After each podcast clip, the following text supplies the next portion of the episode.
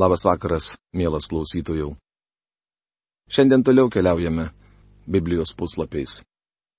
Primenu, kad esame Naujajame testamente ir nagrinėjame pirmą laišką korintiečiams. Praėjusioje laidoje pradėjome nagrinėti ketvirtąjį šio laiško skyrių, kurio tema - Kristaus tarnų padėtis įpareigoja juos elgtis krikščioniškai. Šiandien pažvelgsime į pritaikymą ir pradėsime nagrinėti penktąjį šios knygos skyrių. Taigi, pritaikymas. Visą tai, broliai, jūsų labui pritaikiau Apolui ir savo, kad iš mūsų pavyzdžio įsidėmėtumėte taisyklę. Nieko daugiau negu parašyta ir kad vienas dėl kito nesipūstumėte prieš kitus. Pirmas laiškas korintiečiams, ketvirtas skyrius, šešta eilutė. Prisiminkite, jog viena iš Korinto bažnyčios problemų buvo susiskaldimas. Taigi dabar Paulius sako, kad visą tai panaudojo kaip iliustracija jų labui. Paulius ir Apolas buvo draugai. Jie abu priklausė Kristui, o Kristus priklausė jiems. Abu šie vyrai naudojo savo dovanas. Kasgi tave išskiria iš kitų? Ir kągi turi, ko nebūtum gadas? O jei esi gadas, tai ko gyriesi, lyg nebūtum gadas? Pirmas laiškas korintiečiams ketvirtas skyrius, septinta eilutė. Ar turite dovaną? Galbūt jūsų dovana išskirtinė? Visgi jums nėra ko girtis, nes gavote ją iš Dievo. Neišsiugdėte dovanos pats. Mes turėtume dėkoti Dievui už jo suteiktas dovanas. Beje, jūs jau esate sotus, jau turtingi, jau pradėjote be mūsų karaliauti o kad jūs iš tikrųjų karaliautumėte ir kad mes galėtume kartu karaliauti. Man atrodo, kad Dievas mums, apaštalams, paskyrė paskučiausią vietą, tarsi pasmerktiesiems myriop. Mes pasidarėme reginys pasauliui, angelams ir žmonėms. Pirmas laiškas korintiečiams, ketvirtas skyrius, aštunta devinta eilutės. Didžiuoju bažnyčios persekiojimo laikotarpiu apaštalai buvo reginys pasauliui, angelams ir žmonėms tuo pačiu manding ir mums. Kiti pasidarbavo, o mes bičiuli įstojome į jų triūsą. Toliau Paulius paaiškins, ką jam teko ištverti, kad mes su jumis galėtume turėti šį laišką ir jį studijuoti. Mes kvaili dėl Kristaus, o jūs išmintingi Kristuje. Mes silpni, o jūs stiprus. Jūs gerbiami, o mes nieku laikomi. Iki šios valandos badaujame ir trokštame, esame nuogi ir mušami, esame be pastogės ir vargstame, darbuodamiesi savo rankomis. Keikiami mes laiminame. Persekiojami ištveriame. Pikžodžiaujami maloniai atsakome. Iki šiol esame laikomi pasaulio sašlabomis. Visų atmatomis. Pirmas laiškas korintiečiams, ketvirtas skyrius, dešimta, trylikta eilutės. Mes su jumis net negalime įsivaizduoti, kiek prisikentėjo apaštalas Paulius skleisdamas Jėzaus Kristaus Evangeliją. Jis evangelizavo Mažąją Aziją. Mums sakoma, kad Azijos provincijoje kiekvienas, tiek žydas, tiek pagonis, išgirdo Dievo žodį.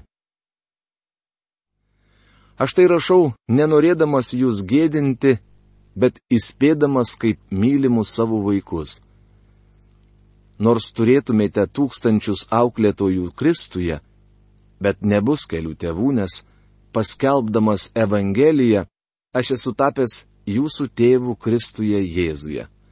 Pirmas laiškas Korintiečiams ketvirtas skyrius 14-15 eilutės. Paulius buvo misionierius atvedęs korintiečius pas Kristų. Nuostabu būti dvasinių tėvų kažkam, ką pats atvedėjai pas viešpatį. Tam ir pasiunčiau pas jūs Timotiejų, savo mylimą ir ištikimą sūnų viešpatyje. Jis jums primins mano kelius Kristuje, kurių aš mokau visur, kiekvienoje bažnyčioje. Pirmas laiškas Korintiečiams ketvirtas skyrius 17 eilutė. Matome, kad Paulius asmeniškai labai gerbė Timotiejų. Kai kurie ėmė pūstis, tartum neketinčiau pas jūs atvykti. Bet jei viešpats panorės, aš veikiai atkeliausiu pas jūs ir pažiūrėsiu ne ką iš puikeliai sako, bet ką pajėgia. Dievo karalystė yra ne kalboje, bet galybėje. Pirmas laiškas korintiečiams ketvirtas skyrius 18-20 eilutės. Paulius sako, kad jo nelabai domina iš puikelių kalbos. Apaštalas nori žinoti, ar jų gyvenime yra galios. Ko norite? Ar kad ateičiau pas jūs su lasda, ar su meile ir švelnumo dvasia? Pirmas laiškas korintiečiams Ketvirtas skyrius, 21 eilutė. Nuo korintiečių nusistatymo ir veiksmų priklausys, kaip Paulius pas juos atvyks. Ar jam reikės ateiti su perauklėjimo lasda, ar su meile ir švelnumo dvasia. Pirmas laiškas korintiečiams, penktas šeštas skyriai. Šių skyrių tema Skandalai Korinto bažnyčioje. Netyrumas. Apskritai tenka girdėti apie ištvirkimą tarp jūsų. Net apie tokį ištvirkimą, kokio nepasitaiko nei pas pagonis, būtent kažkas gyvena su savo tėvu žmona. Pirmas laiškas korintiečiams penktas skyrius, pirma eilutė. Bažnyčia žinojo apie šį atvejį. Tai nebuvo paskalus. Profesorius Algirdas Jurienas šios eilutės pradžią verčia taip. Iš tikrųjų girdima. Tai nebuvo vien sklandantis gandas, bet daugeliu žinomas faktas. Tokio ištvirkimo nepasitaikydavo nie pas pagonis. Matome, kad kažkoks vyras gyveno su tėvu žmona savo pamotę. Ir jūs dar esate pasipūtę? Užuot nuliūdę ir taip darantį išmetę iš savo tarpo. Pirmas laiškas korintiečiams penktas skyrius, antra eilutė.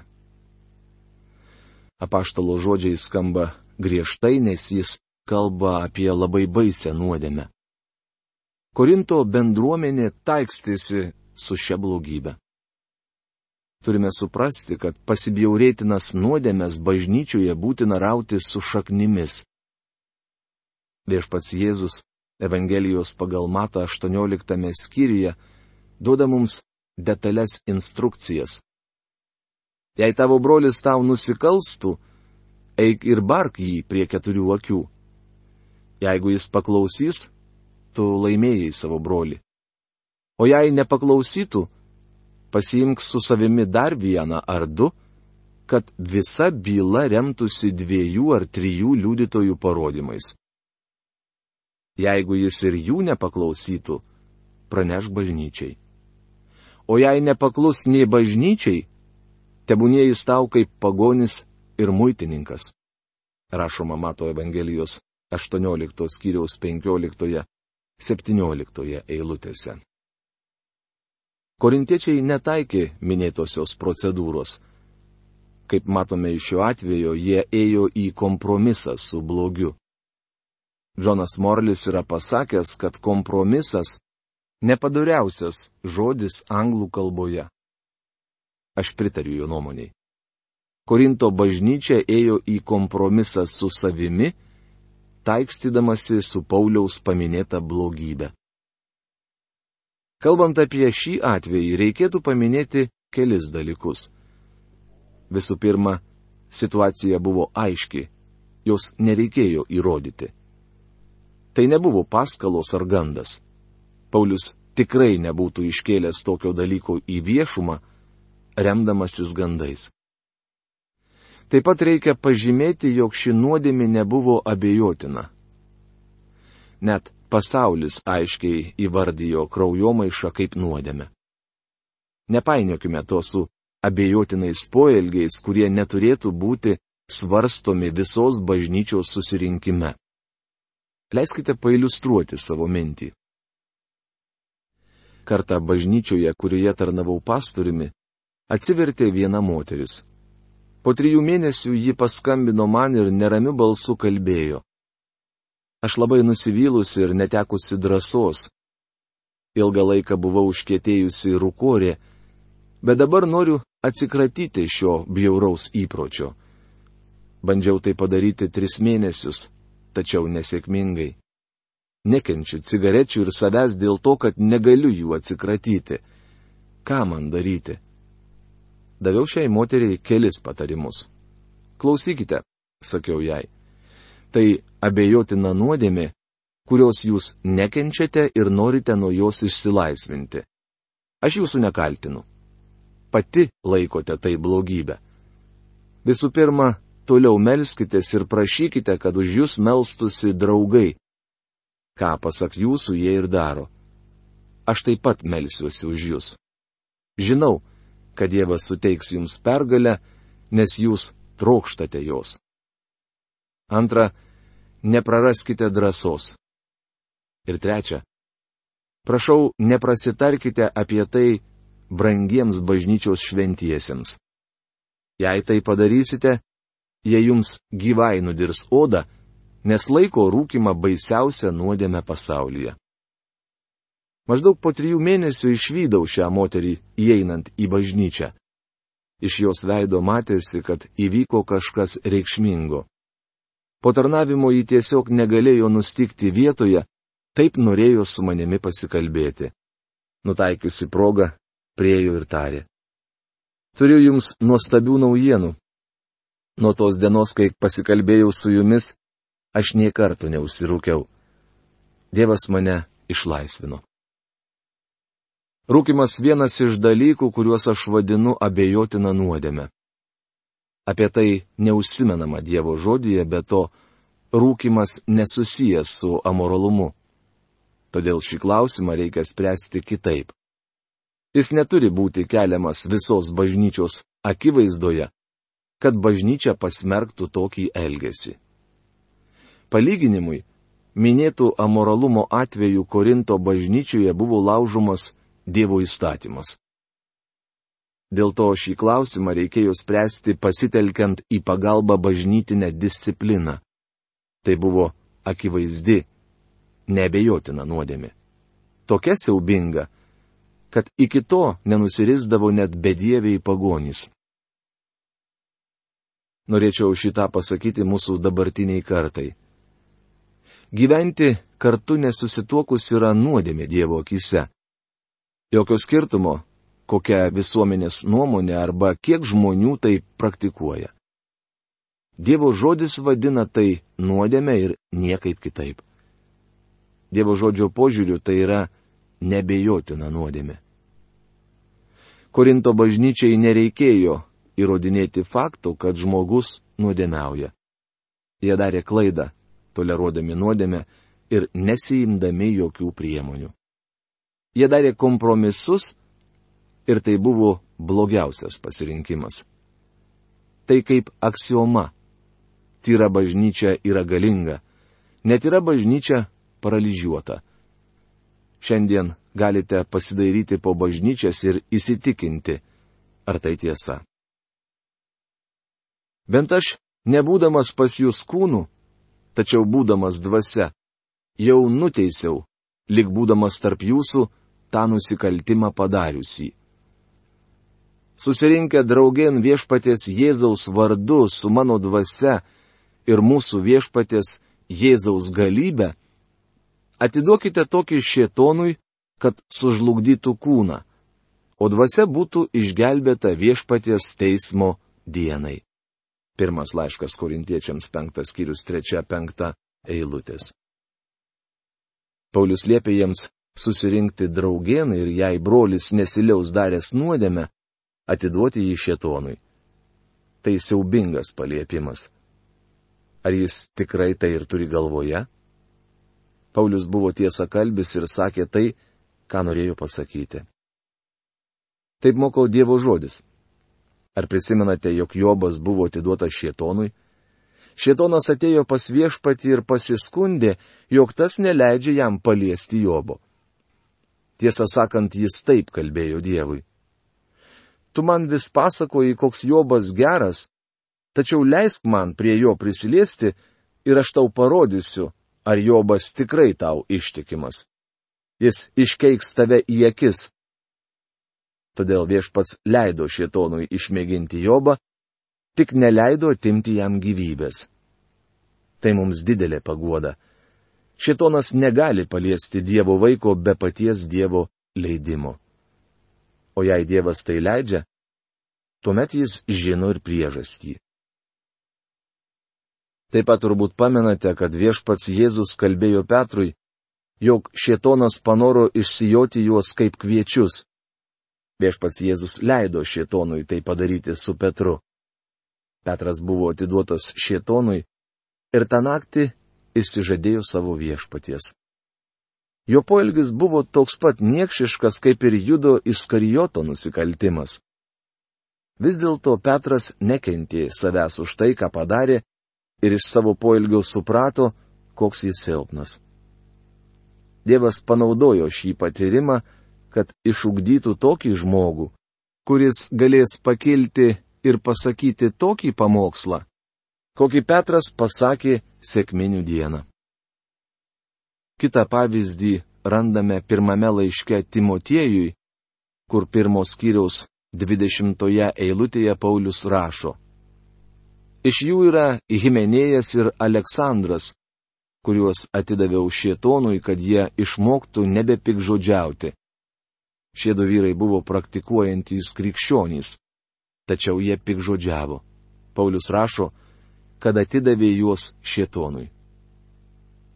Suvokiu, jog kyla pavojus, kad įsijungs mūsų jausmai ir emocijos, o taip pat kyla fanatiškumo pavojus, į kurį kai kurie žmonės perdėm linkia. Tačiau šiandien mūsų bažnyčiose yra vyrų ir moterų, kurie kenkia Kristaus darbui. Manau, jog turime teisę prašyti Dievo, kad atiduotų juos į šietono rankas, kad jis juos paliestų ir jie nebekenktų ir nebežlugdytų Kristaus kūno. Meldžiu, kad Dievas atiduotų kai kuriuos žmonės šietonui, kad jis juos kaip reikiant pamokytų. Tai arba sugražins juos pas Dievą, jeigu jie tikri tikintieji, arba atskleis, jog jie visai nenuoširdus tikintieji. Jeigu jie krikščionis, tuomet tai bus aiškiai matoma ir jie bus švarūs Dievo ir viešpaties Jėzaus Kristaus akise. Tikiu, jog mes turime teisę melstis tokia malda. Tai stiprus vaistai. Tai suveikė kaip stiprus vaistai ir kūniškiems korintiečiams. Paulius rašo, jog nors ir negali būti su jais kūnu, jis su jais savo dvasia. Jis sako jiems, už ką balsuoja. Apaštalas meldžiasi, kad toks žmogus būtų atiduotas į šėtono rankas. Jūsų gyvenimas niekam tikęs. Argi nežinote, jog truputis raugo suraugina visą maišymą? Pirmas laiškas korintiečiams penktas skyrius šešta eilutė. Ar žinote, kaip elgėsi Korinto bažnyčia? Tuo pat metu, kai užmerkdavo akis nuodėmiai, kuri klestėjo jų pačių susibūrimuose, jie gyrėsi savo kitais darbais. Jie didžiavosi ir puikavosi. Greičiausiai jie gyrėsi savo pasiūstais misionieriais, tuo, kad yra ištikimi Dievo žodžiui ir tuo, kad laimi sielas Kristui. Kokia veidmainystė? Visgi yra daug žmonių, kurie mano, jog užimtumas krikščioniškoje veikloje uždengia gausybę nuodėmių. Paulius tvirtina, jog jų gyrimasis niekam tikęs. Argi jie nežinojo, jog truputis raugo suraugina visą maišymą?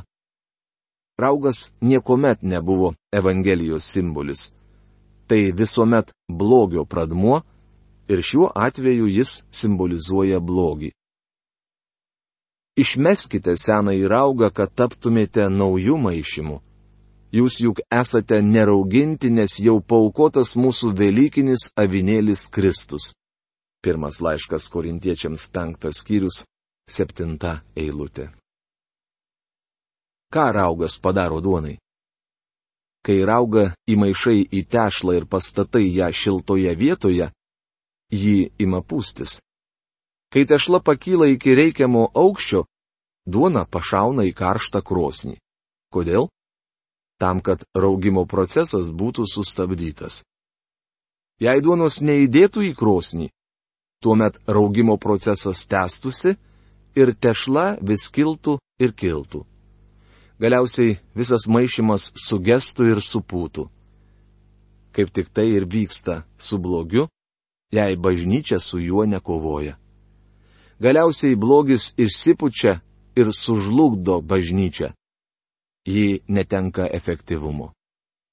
Truputis raugo suraugina visą maišymą, todėl jį reikia išmesti. Senajame testamente netrukus po paschos šventės žydai švesdavo neraugintos duono šventę. Paulius rašo, jog Kristus, tikrasis Velykinis avinėlis, buvo paukotas už mus. Todėl mūsų gyvenimai turi būti nerauginti. Tačiau korintiečių bažnyčia leido raugui, tai yra blogiui, ateiti į jų bendruomenę.